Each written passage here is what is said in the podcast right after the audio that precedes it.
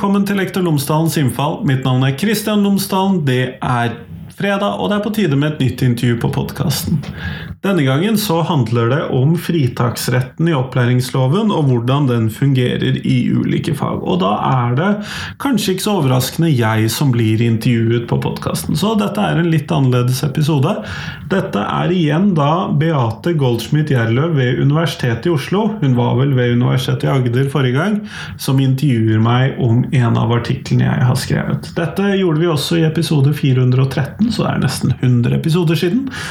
Eh, men denne gangen så handler det om en artikkel jeg har skrevet om kjønn, fritak og religion, og vi kommer inn på fritaksretten og hvordan den fungerer i forhold til svømmeundervisningen, og hvilke menneskerettigheter som står i spill og står opp mot hverandre i disse problemstillingene her. Sånn at det er dagens vel forsøk på intervju med intervjueren, eh, og det er jo gøy for min del å bli intervjuet også, og er fint for meg å kunne drive med forskningsformidling. Så det er i hvert fall dagens episode. Podkasten, også denne, er sponset av Fagbokforlaget. Og visste du at Fagbokforlaget har gitt ut en ny metodebok om forskningsoversikter? Så hvis du skal skrive en bacheloroppgave, masteroppgave eller kanskje til og med en doktoravhandling, så sitter du der med ganske mye ulik informasjon. Da må du finne ut hva som er viktig for deg. Og da kan du trenge denne boka. Boka heter 'Forskningsoversikter i utdanningsvitenskap', og Fagbokforlaget anbefaler den til alle studenter på lærerutdanningene innenfor ulike eller andre pedagogiske fag. Og Fagbokflagget sponser denne podkasten fordi at de tenker at jeg tar opp viktige temaer som angår skole og lærerutdanning. Og de håper at dere som hører på podkasten er opptatt av det samme som Fagbokforlaget, hvordan ny forskning kan påvirke og forbedre praksis i skolen. Så det er derfor de sponser. Det er jeg utrolig glad for, for det gir meg gode muligheter. Men nå, nå skal du få høre vel meg bli intervjuet av Beate Goldsmith Gjerløv om uh, fritaksrett, kjønn og religion. Vær så god.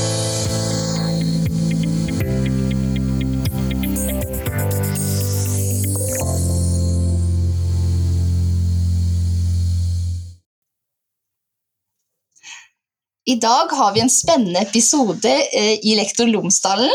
Vi skal intervjue, eller jeg har fått gleden av å intervjue Kristian Lomsdalen om hans nylig publiserte artikkel 'Islam, kjønn og fritaksproblematikk i skolen'. Svømmeundervisningen som kjerne til konflikt i fritakssaker. Og Kristian, kan du eh, fortelle litt om bakgrunnen for hvorfor du har valgt å skrive om nettopp dette? Bakgrunnen for denne artikkelen er på mange måter eh, masteroppgaven min i religionsvitenskap eller i religionsdidaktikk, hvor det var en del materiale som gikk nettopp på dette med svømmeundervisning.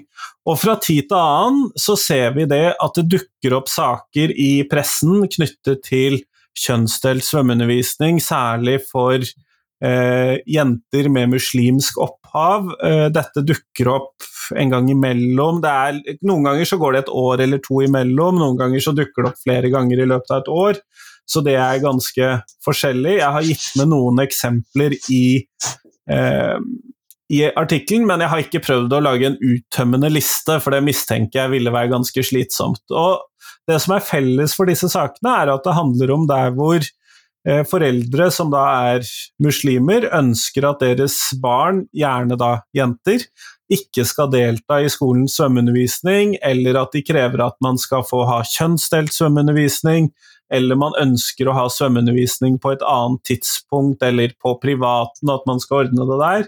Og Da handler det om kjønn, det handler om klær, det handler om tro, eh, det handler om religiøs praksis, og det gjelder da stort sett veldig ofte muslimer med hva skal vi kalle det, kort botid i Norge. Altså ofte så Det ser i hvert fall ut i de nyhetssakene som er, at det ofte er førstegenerasjons innvandrere, eller førstegenerasjons nordmenn.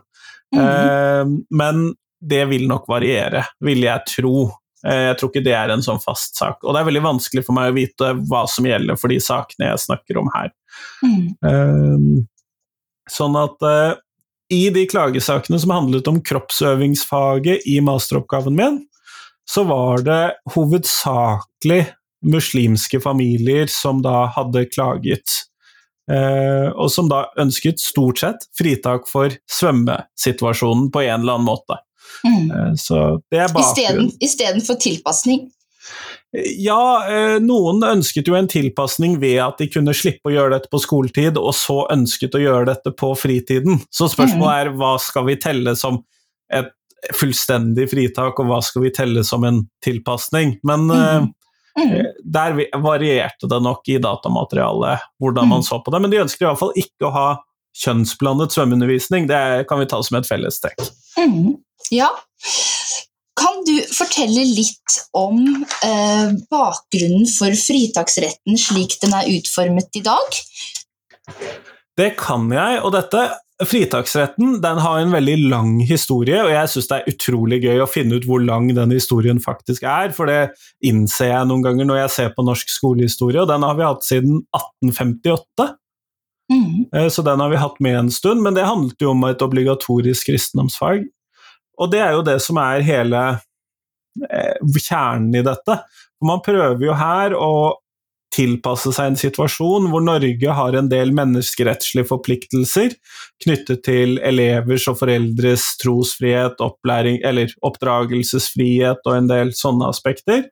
Oppimot det at skolen har et obligatorisk religionsfag, som tidligere var relativt favoriserende og konvensjonelt, eh, sammen med ja, at disse tingene skal fungere sammen.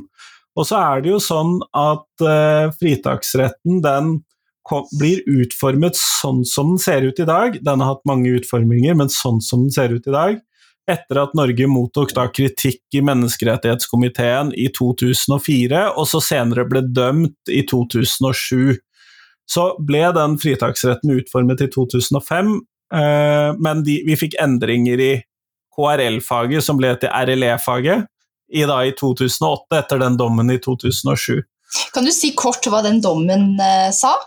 Den dommen sa det at eh, pga. favoriseringen i formålsparagrafen Vi hadde en enda mer kristen formålsparagraf tidligere, som bl.a. snakket om at skolen skulle bidra til kristen oppdragelse. Mm. eh, sammen med en, eh, et klart favoriserende kristendomsfag og en dårlig utformet fritaksrett, Mm. gjorde at Norge ble dømt for å ha krenket foreldrenes oppdragelsesfrihet eh, etter eh, en av disse konvensjonene som Norge har forpliktet seg på. Sånn at eh, Det var da den dommen, men den kom Mhm. jo da etter den kritikken som vi da allerede hadde fått i FN, som medførte en ny fritaksrett. Og dette var jo noe av det som Norge forsvarte seg med den gang da. Se, vi har allerede gjort endringer! Vi har klart å fikse litt av dette. Og så måtte Mhm. de fikse noe mer, da. Men Mm. det var en av tingene man forsvarte seg med. Mm. Ja, og eh, hvis vi ser litt eh, innenfor forskning fra menneskerettighetsopplæring, så har det jo også kommet kritikk mot den nåværende formålsparagrafen om at på en måte kristne verdier blir litt sånn conflated eller sammenstilt med eh, menneskerettigheter. Vil du kommentere det? Ja, og den sier jo det er jo den med passus i den nåværende opplæringsloven, og så får vi snart en ganske lik opplæringslov, eh, iallfall på dette området, som kanskje blir vedtatt nå 1.6. Men opplæringa skal bygge på grunnleggende verdier i kristen og humanistisk arv og tradisjon, slik som respekt for menneskeverdet, naturen, på åndsfridom, nestekjærleik, tilgjeving, likeverd og solidaritet. Verdier som òg kommer til uttrykk i ulike religioner og livssyn, og som er forankra i menneskerettene.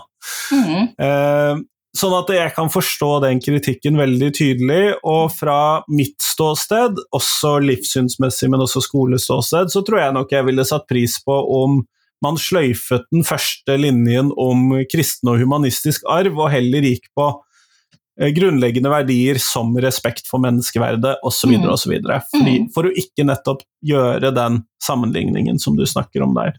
Mm. Eh, Så det er jo interessant at også dukker opp i ditt fagfelt. Mm, ja.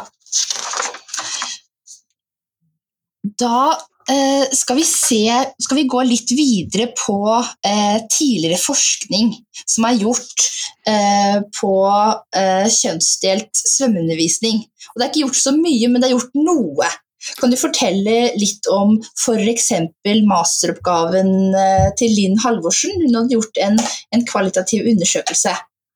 Ja, og det stemmer, og det er jo det at hun har da gjennomført intervjuer som en del av en masteroppgave, og da innser man jo når man hører dette at det er en relativt liten undersøkelse. Mm. Eh, og hvor det da trekkes fram i den undersøkelsen at disse ulike ungdommene med muslimsk bakgrunn har ganske forskjellig syn på hvordan eh, eller om svømmeundervisningen er problematisk ut ifra et religiøst perspektiv eller ikke. Uh, og dette var også uavhengig av, av, om de selv anså seg for å være, uh, i mangel av et bedre ord, sterkt troende eller svakt troende. Uh, og så er det en problematisk vurdering, mm. men det gikk jo da på selvforståelse i denne sammenhengen. og dette ser vi jo også for så vidt i praksis, fordi at for de aller fleste elever i norsk skole som har muslimsk bakgrunn, så deltar jo disse i svømmeundervisningen som ordinært. Vi ville nok sett langt flere nyhetssaker om dette var en stor problemstilling for, uh, for Skole-Norge i seg selv. Mm. Men for noen så er dette et problem, og det ser vi jo da i dette datamaterialet fra masteren min, hvor det er noen familier som opplever dette som problematisk, og dermed så har det blitt klagesaker knyttet til dette. Mm. Samtidig så skal jeg bare gi en liten sånn teaser fra doktorgradsarbeidet mitt, som jeg sitter med nå, og hvor dette med svømmeundervisning er noe som dukker opp relativt eh, på tvers av alle steder i landet osv. Så videre, sånn at det er nok flere som ønsker fritak enn jeg kanskje personlig er komfortabel med, men som på dette grunnlaget. Men uh, det er kanskje ikke så mange som får det, men det er jo en ting som må forskes mer på uansett. Men mm. det som er ekstra gøy i dette, det er de resultatene som vi finner fra NTNU, hvor forskeren Anne Toril Klomsten har forsket på antallet skoler som har kjønnsdelt svømmeundervisning. Mm. Og det som er gøy da, er at hun finner at 20% av norske skoler har kjønnsdelt svømmeundervisning. Ingen av de visstnok har det pga. religion, de har det pga. pedagogiske årsaker. Mm. Som vi... for eksempel? Nei, 14-åringer liker ikke å være nakne sammen. Nei, ikke sant? eh, og at man får bedre utbytte av svømmeundervisningen hvis man kan konsentrere seg om å svømme, heller enn mm. 'så de meg naken, halvnaken nå'. Og det mm. er for mange en relativt ubehagelig situasjon. Mm. Sånn at det er et argument jeg kan kjøpe. Det som er mm. veldig gøy, og som ikke står i artikkelen, er at uh, Utdanningsdirektoratet har gjort en undersøkelse på hvor mange skoler i Norge som har kjønnsdelt svømmeundervisning, mm. og ifølge dem så er det ingen. Mm. uh, da må de snakke med Plomsten. Ja. uh, Samtidig så vet vi at det er skoler som har kjønnsdelt svømmeundervisning. Mm. Det er også skoler som anekdotisk har snakket om at de har det pga. religion. Eh, og så kan vi jo da diskutere er dette noe man ikke finner akseptabelt å skulle svare på i et spørreskjema til en forsker eller til UDIR. Mm. Hva skyldes differansen mellom Klomsten og UDIR? Det var ikke så mange mm. år imellom, sånn at jeg jeg vet ja. ikke om de forteller om to forskjellige virkelighetsbilder, for det kunne jo vært en forklaring. Ja, ellers så kan det ha noe med utvalg å gjøre også, men, men det er jo rart at det blir så store forskjeller. Ja, men disse, hvis det var utvalgsforskjell, da, fordi at UDIR spør jo alle skoler, ofte mm. i mhm. hvert fall. Um, men hvis de har spurt alle, og Klomstein har spurt noen, mm. hun har spurt ganske mange hun òg, for øvrig, uh, så burde de ha dukket opp i UDIR sitt materiale. Mm. Eh, og så er spørsmål hvem er man ærlig til? Eventuelt har det vel skjedd så store endringer på så kort tid mm. mellom disse to undersøkelsene? Det syns jeg er eh, kjempeinteressant. Sånn at mm. eh, ja. ja. absolutt. Og så trekker du også litt inn på en måte nordisk forskning, noe fra Danmark og Sverige. Kan du fortelle litt om det? Dette er jo et tydelig bevis på at Norge, Sverige og Danmark er veldig forskjellige land når det kommer til integreringspolitikk, for det er jo det dette i stor grad handler om. Mm. I hvert fall rent sånn mediemessig og forskningsmessig. Og i Danmark så har de ikke noe nevnverdig forskning på selve svømmeundervisningen. Men det er lite grann, og det er fra én skole i Odense på Fyn som da hadde kjønnsdelt svømmeundervisning etter ønske fra foreldre i 2003. Og det endte jo i en kjempemediesak, Mm. eh, og hvor det bl.a. trekkes opp at dette her er å svekke integrasjon og likestilling, og det øker faren for parallellsamfunn. Mm. For så vidt argumenter som jeg til dels kan kjøpe, i hvert fall noen ganger, dog ikke eh, hva skal vi kalle enhetlig. Ja, fordi man kan jo også se for seg at det, det at unge muslimske jenter ikke får svømmeopplæring, at det er noe som svekker likstilling. likestilling. Hvis du plutselig har en gruppe med elever som ikke som ikke kan blir- møte på stranden og ikke kan være med på grillfest og Ja, ikke og som kan ikke- bade med de andre. Og, ja, ja. som ikke får rett og slett grunnleggende ferdigheter man trenger for å leve, da. Ja, sånn at, og det er jo noe av det som også kommer fram i leserinnlegget i Norge, at dette handler om livet. Ja.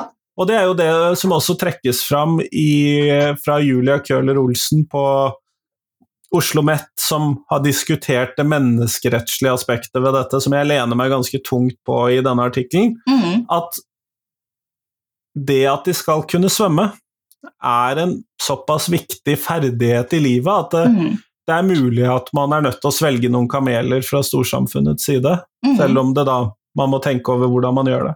Men i Ja, for man må jo tenke konsekvenser av at de ikke får svømmeundervisning. Ja, ja. Her er det mange konsekvenser frem og tilbake, og det er det som gjør det ordentlig spennende å jobbe med. Eh, I Sverige så er det til en viss grad et rom for å gjøre tilpasninger på dette området, men det er ikke noen gode tall, og det er ikke noen eh, nevneverdig forskning på dette feltet. Det er noe på voksne innvandrere fra Midtøsten f.eks., men det er jo en annen gruppe. Og behovet for kjønnsdelt svømmetid i bassenget, det blir liksom ikke de samme Det er ikke de samme sakene som når det gjelder skoleverket. Nei. Um, Ikke de samme spenningene og rettigheter som står opp imot hverandre, kanskje. Nei, sånn at eh, der, der mangler det fremdeles en del eh, forskning som jeg ville nok satt pris på om noen av mine svenske kolleger eh, ordnet opp i, sånn at vi kunne sammenligne dette på en god måte. Det syns jeg at du skal invitere dem til. Et komparativt forskningsprosjekt. Yes. Det er eh, to utvalg som har sett litt på eh, kjønnsdelt eh, søvnundervisning. Kanskje flere. Men vi skal se litt på Stålsett-utvalget og Nordrum-utvalget. Kan du fortelle litt om hva, hva Stålsett-utvalget kommer frem til? Ja, og da må jeg jo først si at dette er to veldig forskjellige utvalg. De har to veldig forskjellige oppgaver og sammensetninger og i det hele tatt. Og Stålsett-utvalget er det såkalte livssynsåpne samfunn, altså NOU 2013-1, som har lagt føringer for den tros- og livssynspolitikken vi har i dag. Det ledes av en eh, professor på Menighetsfakultetet, eh, altså Stålsett, sønn til biskop Stålsett, eh, som da har en nestleder som er Bente Sandvik fra Human-Etisk Forbund. Sånn at dette er et relativt sånn, hva skal vi kalle det, topptungt eh, religionssammensatt eh, utvalg. Mhm. Mens vi da har Nordrum-utvalget, som da er vi skal lage ny opplæringslov, Mhm. og som da består av jurister, primært sett. Og det, ja, de har to veldig forskjellige fokus og målsetninger. Eh, Så det er jo det utgangspunktet der. Mm. Og i eh, Stålsett-utvalget så påpeker Barneombudet i en av disse høringsrundene som de har i utarbeidelsen av eh, NOU-en, ikke etterpå når man skal se på den, men i arbeidet med NOU-en, eh, så etterlyser de at kvinner og jenters behov for å kunne svømme må ivaretas, og det var veldig mye strid om dette i forkant, hvor en del av statsforvalterne hadde gitt beskjed om at man ikke kunne fritas fra svømmeundervisning. Jeg er helt enig i det. Og at det ville være i strid med opplæringsloven og kjønnsdele for hele faget. Og så etterlates det litt sånn åpent der om det er mulig å kjønnsdele for litt av faget. Um, Jeg må jo si at Barneombudet har et godt poeng. det, Om at det er et behov der for å kunne svømme, og at det må ivaretas. Det er det, og så er det jo sånn at uh, Barneombudet samtidig trekker fram at de er bekymret for at dette vil utløse eller vil harmonere dårlig med de holdningene som vi ønsker å formidle i samfunnet ellers. Og her ligger det jo en spenning mellom ulike sider av opplæringsloven, som, hvor opplæringsloven trekker fram at vi skal ha respekt for den, ene, for den enkeltes overbevisning, eh, samtidig som vi skal fremme likestilling. Det er noen sånne punkter her som går imot hverandre, og de er også mm. bekymret for at det er jenter som da enten holder seg selv hjemme fra svømmeundervisning, eller som blir holdt hjemme fra svømmeundervisning. Mm. Det er egentlig ingen som er voldsomt bekymret for guttene, selv om vi vet at det også anekdotisk vet at det også er en problemstilling. Mm. Eh, sånn at eh, Men Stålsett-utvalget peker på at kjønnsdelt svømmeundervisning ikke må bli en generell løsning på svømmeundervisningen, men at det kan brukes som en tilpasningsmetode mm. noen steder. Og det er uh, interessant. Mm. Det som da kommer fram i Nordrum-utvalget, når de da skal se på en ny opplæringslov, er jo det at de er enda mer skeptiske til uh, kjønnsdelt svømmeundervisning, eller til og med også til alle mulige form for gruppeinndelinger i skolen. Mm. Eh, også på nivå Det har jo vært ganske strengt i norsk skole med nivådelt eh, undervisning, mm. men eh, det vil bli enda strengere gitt at den nåværende loven eh, eh, kommer inn. Mm. Sånn at eh, det må man rett og slett se på når vi får det endelige svaret på hvordan den blir seende ut 1.6. Men mm de mener at det skal være særskilt tungtveiende grunner for at man skal kunne gjøre den typen kjønnede inndelinger, og da snakker de om typ at man mangler garderobefasiliteter for å kunne kjøre begge kjønn samtidig. Mm. Uh, typ har du bare én garderobe, så er det greit. mm. uh, de fleste steder har heldigvis minst to garderober, sånn at uh, jeg Ja. Mm det er jo en del av dette. Mm. og så prøver da Julia Køller Olsen eh, også trekke inn ulike aspekter, og hun baserer seg i stor grad da på Barnekonvensjonen og på de ulike menneskerettslige konvensjonene som Norge er forpliktet av, og prøver å si hva disse sier om eh, ulike rettigheter som er knyttet opp til dette. Mm. Og da er det jo barnets rett til utdanning, foreldrenes rett til å oppdra sine barn i opplæring. eh, og selvfølgelig et vern mot uh, ulovlig forskjellsbehandling eller diskriminering etter mm. kjønn, da, ettersom dette i mm. stor grad handler om uh, jenter og kvinner. Mm. Uh, og så kan man jo si det at de diskriminerer seg selv ved å ikke ville delta, eller ikke ville delta i sammenhengen, men samtidig så er jo da Norge forpliktet til å ha en praksis som er eh, god for de det gjelder. Mm. Uh, ja, og, og, jeg begynner å tenke litt på, på liksom sammenhengen mellom Barnekonvensjonen og opplæringsloven. I hvilken grad blir på en måte Barnekonvensjonen tatt til etterretning i utarbeidelsen av den nye opplæringsloven, vil du si? Hva sa du nå, kunne du gjenta det? Nei, jeg bare tenker litt på, på måte, sammenhengen mellom Barnekonvensjonen og opplæringsloven.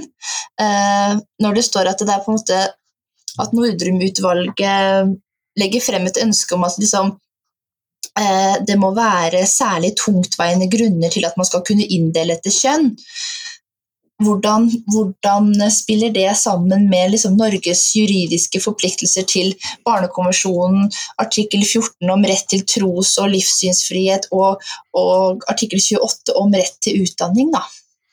Ja, og der kan man stille seg ganske gode spørsmål til det. og det der blir jo Nordrum-utvalget og den strenge linjen de har lagt seg på, blir støttet av domsavsigelser i Den europeiske menneskerettighetsdomstolen. Uh, og så er det sånn at de kan lene seg på det, samtidig så er det et spørsmål hvor burde man ligge, og her vil det jo være svingninger i Den europeiske menneskerettighetsdomstolen mm. over tid. Uh, og man snakker jo nå om at denne domstolen i øyeblikket har en innretning som gjør at den eh, i større grad lener seg på hva de ulike landene sier, og mindre på en sånn idealisert målsetning. Mm. Eh, sånn at eh, det er et eh, Her vil det være et Over tid så vil det være litt forskjellige meninger fra Den europeiske menneskerettighetsdomstolen. Mm. Eh, Men jeg er jo litt skeptisk til denne innsnevringen av muligheten til kjønnsdelt svømmeundervisning, i hvert fall sett ifra et forskerstandpunkt, eh, fordi at det kan være gode, særlig pedagogiske, grunner til å skulle gjøre denne typen inndelinger, og vi ser jo det blant de som forsker på eh, f.eks. de som er har særlig akademisk talent, evnerike elever, hvilke titler vi vil bruke på det, så vil jo deres ønske om nivåinndeling av undervisningen bli vanskeligere med denne innsnevringen som ligger her mm. også. Det er ikke bare kjønn som blir vanskeligere å snevre inn på, det vil bli vanskeligere også for nivåinndelinger mm. eh, knyttet til andre sider ved utdanning. Mm. Eh, og så kan man jo si det at eh, dette er likt for alle. Eh, det er jo et argument i Nordrum-utvalgets eh, favør. Altså at dette er ikke noe særskilt for elever med muslimsk bakgrunn eller lignende. Men i svømmeundervisningssakene så går det jo da særlig utover eh, Eller utover muslimer, da, mm. i dette tilfellet. Ja, og da blir det jo på en måte behandlet likt elever som har helt ulike behov, måte, eller, og utgangspunkt, da. Eh, og spørsmålet er jo om det er hensiktmessig også. Absolutt. Sånn, øh, her er det ganske store spørsmål om hvordan dette vil fungere i praksis. Mm. Og så mistenker jeg jo at vi ikke vil ryke på en ny smell eh, i Menneskerettighetsdomstolen, for jeg tror ikke det er noen som vil ta dette til Menneskerettighetsdomstolen, så det er kanskje et litt sånn mute point. Men jeg tror den dommen også kunne ut, blitt utfordra ganske bra hvis jeg hadde trukket det på Barnekonvensjonen. Ja, og det ville de nok gjort i et sånt tilfelle, men så er det jo også sånn at eh, spørsmålet er kanskje ikke hva som er juridisk mulig, men hva er det som er viktigst? Er det viktigst å sørge for at disse jentene og kvinnene kan svømme, mm. eller er det viktigst å opprettholde eh, kjønnsblandet undervisning akkurat her? Og det er jo det som er det store eh, pedagogiske spørsmålet her. Mhm. Ja, da skal vi gå litt eh, inn på metoden. Eh, fordi du fikk innsikt i 57 skriftlige klagesaker som ble sendt inn til de 16 statsforvalterembetene i Norge mellom 2005 og 2018. Eh, og syv av de her sakene var knytta til svømmeopplæring, og i artikkelen din så gjør du et dypdykk i fire av de casene. Kan du kan du fortelle litt om eh, hvorfor du valgte akkurat de fire? De fire casene utpreger seg ved at de er eh, relativt store. Eh, det er eh, et mer omfattende datamateriell enn på eh, flere av de andre, og det gjorde det veldig lett å skulle velge ut disse fire. Og så er de samtidig gode eksempler for eh, saksmateriellet i sin helhet og de ulike problemstillingene som kan dukke opp i denne sammenhengen. Og det tror jeg er eh, viktig for oss å liksom forstå problemstillingene det er snakk om, og derfor så Mhm. valgte jeg ut disse fire, da. Mhm. Og så har de fått litt sånn eh, arbitrære navn. Mhm. Kvinneforeningssaken, lærerkjønnssaken, eh, kroppsøvingssaken og eh, foreldreinitiativsaken. Kan du Eh, si noe kort om de fire ulike? Eh, kvinneforeningssaken er eh, veldig enkel. Eh, elev, eller foreldre ønsker at elev ikke skal delta i svømmeundervisning på skolen, men har ordnet med svømmetrening i regi av den tyrkiske eh, kvinnegruppen i det området der hvor de bor. Eh, og så er det jo et spørsmål, da, og dette utløser et eh, viktig problemstilling. Skal skolen akseptere at eh, man har delvis hjemmeundervisning, som dette heter. Og i Norge så sier UDIR at det vil vi helst ikke. Det er lov å inngå avtaler om det, men vi vil helst ikke det. Vi anbefaler det ikke. På Island derimot, så er det et alternativ som er skrevet inn i fritaksparagrafen. Mm. Eh, Sånn at her så kunne Norge ha landet på en annen perspektiv i dette. Mm. Eh, I lærerkjønnssaken så er det det at de mangler eh, lærer som er eh, av riktig kjønn. Eh, sånn at de ønsker da at eleven ikke skal delta i svømmeundervisning på skolen med bakgrunn i at læreren er mann. Mm. Så da er det jo problematisk i den forstand. Og det er et spørsmål som stilles innimellom i ulike sammenhenger. Er skolen pliktig til å ha gymlærere eller svømmelærere av forskjellig kjønn osv.? Hva gjør man der? Mm.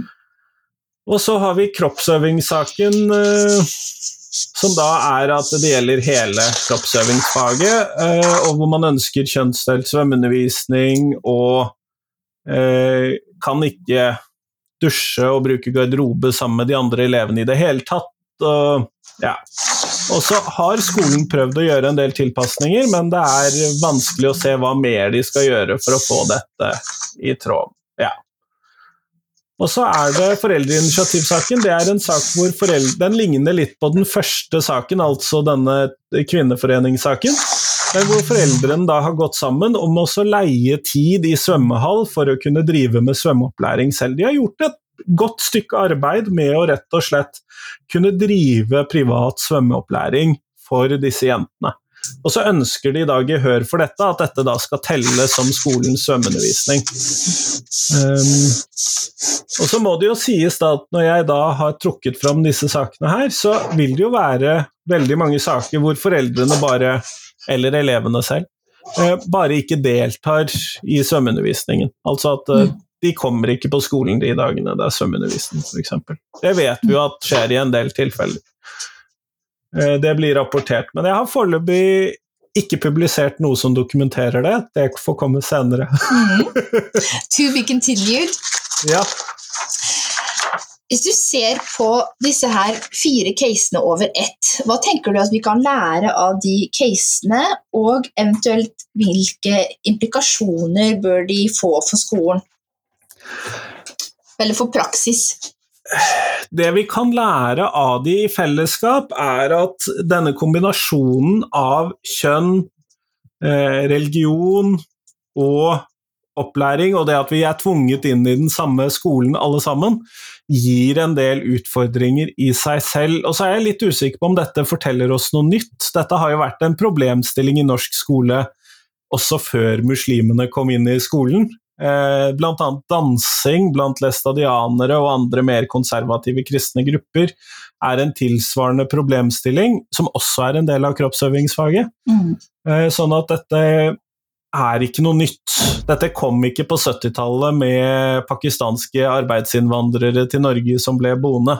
Mm. Dette er en gammel problemstilling. Mm. Og så er det sånn at dette handler i stor grad om eh, livsviktige rettigheter, som jeg har trukket fram før. Altså at dette handler om noe som elevene må kunne for at de skal kunne overleve, i hvert fall hvis de er, bor i nærheten av vann, eller ferierer i nærheten av vann, eller skal Mm. delta i sosiale sammenhenger i nærheten av vann. Sånn at eh, svømmeopplæring, svømmekunnskap, er viktig med tanke på integrering Mm. eh, inn i det store fellesskapet, eller til og med inkludering inn i det store fellesskapet. Mm. Eh, og som kan tilsi at vi skal eh, føye oss i at det er viktigere at de får den opplæringen, enn at vi gjennomfører kjønnsblandingen helt ut, fullt ut, hele veien. Alltid. Mm. Eh, og så ville det til dels da svekke likestillingstankegangen. Er det noen andre tidspunkter i skoledagen hvor det vil være relevant å kjønnsdele? Skal vi kjønnsdele i matematikk? Finner vi noen argumenter for det? Eh, og så videre. Eh, Mm. Og jeg sier det litt for å være morsom, og at jeg velger matematikk, men samtidig, jeg har sett dårligere argumenter enn det blir fremmet på en seriøs måte. Mm. Sånn at. Eh, man kunne se det for seg at man ville kunne fremme at vi trenger ulike uh, kjønnsdelinger i ulike fag som vi kanskje ikke ser for oss hvis vi først tillater det. Mm. Det som også er litt interessant, er at man snakker, disse skolene snakker veldig ofte om at de tillater burkini eller andre sånne heldekkende svømmeplagg. Mm. Jeg sliter jo litt med å skulle se at de kunne komme opp med en argumentasjon for å nekte Mm. denne typen svømmeundervisning, Ja. så lenge det er egnet badetøy. ja. Det er vel det som er det viktigste. Eh, Så der tror jeg de skulle fått eh, statsforvalteren på nakken hvis de begynte å nekte burkini og, og heldekkende svømmetøy. Altså. Det blir litt sånn som på en måte føringer for beachvolleyball. Alle jentene skal komme i bikini. Eller bitte, bitte, bitte, bitte, bitte små shortser. Ja. ja, så der ligger det en del sånne eh, gøye perspektiver. Men dette Mm. er vanskelig, og vi tenker veldig ofte ikke på disse grunnleggende sidene ved norsk kultur som er Mm. basert på kristendom eller vår forståelse av religion, eller hva er det som er religion? Og det gjør det vanskelig for oss å se, hva skal vi kalle det, eh, bjelken i vårt eget øye når noen andre kommer med en flis og Mm. ønsker å ha en tilpasning knyttet til den flisen de da har i øyet. Mm. Uh, og Jenny Berglund snakker om at uh, skolen er marinert i kristendom, og det ligger en del maktstrukturer her som er Mm. viktig å tenke på osv. Mm. Og så høres det kanskje ut som jeg er udelt positiv til eh, kjønnsdelt svømmeundervisning på religiøst grunnlag av dette.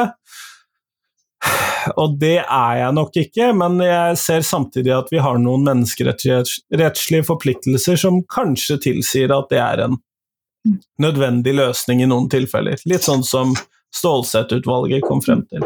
Jeg syns du presenterer det veldig balansert.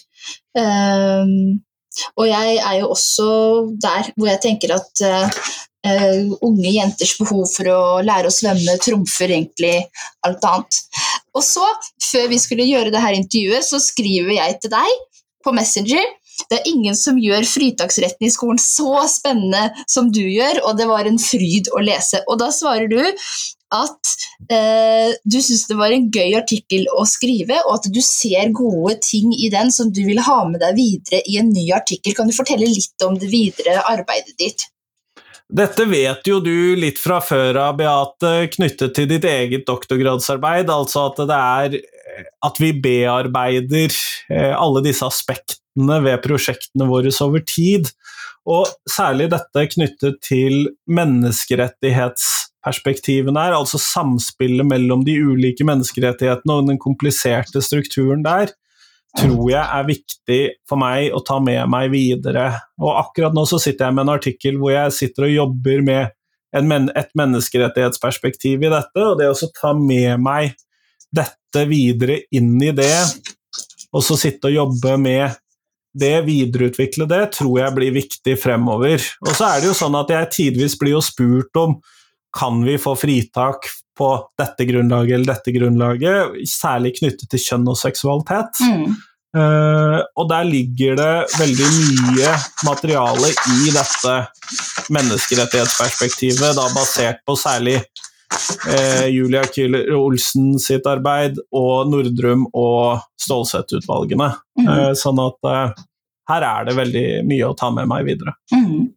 Ja, da skal vi snart gå inn for landing i dette her intervjuet, fordi du skal snart ut og fly til Nordens Paris.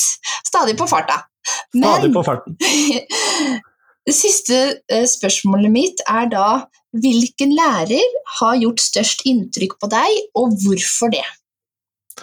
Ja, og det er alltid et litt stort spørsmål, og jeg misunner egentlig ikke de som jeg intervjuer til vanlig som får det spørsmålet, og jeg har flere lærere som eh, jeg ønsker å trekke fram. Jeg tror jeg har svart på dette spørsmålet en gang før, sånn at jeg tror jeg da skal nevne en til, og det er Bob Steinarsson ved Oslo Handelsgymnasium, som da jobbet der en gang i tiden.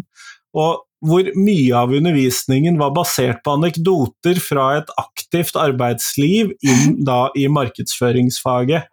Og det å gjøre det faget så levende og praktisk som det kan bli, og selvfølgelig henfalle til lange anekdoter, Mm. eh, føler jeg at jeg har blitt inspirert av i ettertid. Det gjør det veldig levende. Det gjør det. Jeg syns du skal Eh, sende den her, det her intervjuet til han, så kan han få høre det. Det er hyggelig. Tusen takk for at du intervjuet meg i dag, Beate. Hjertelig takk for at jeg fikk muligheten. Det er bestandig gøy å prate med deg. Deg også.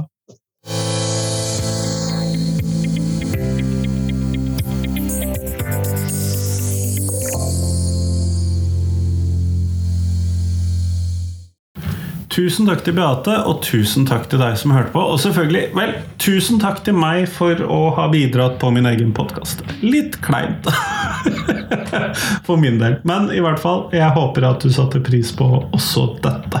Hvis ikke så er det jo 505 tidligere episoder som jeg håper du kan finne interessant, som ikke inneholder så mye Christian i monitor. Men i hvert fall, nå er det en eh, liten helg til eh, neste podkastintervju. Det kommer selvfølgelig på tirsdag. Da skal det ikke være jeg som blir intervjuet. Eh, Som du også sa, så var dette en fredagsepisode, litt sånn ekstra. Og så er det selvfølgelig en ny episode, den foreløpig siste i ChatGPT-serien min, som kommer neste fredag igjen. Der får vi også med elevperspektivet, sånn at det blir spennende. Men jeg håper at du kan sende meg temaer til nye episoder. Nå har jeg kommet meg gjennom sommeren i planleggingen min og opptakene mine. Men hva skal høsten handle om på Lektor Lomsdalens innfall? Det må du fortelle meg. Send meg tips. Men nå, nå får du ha en god helg. Hei, hei.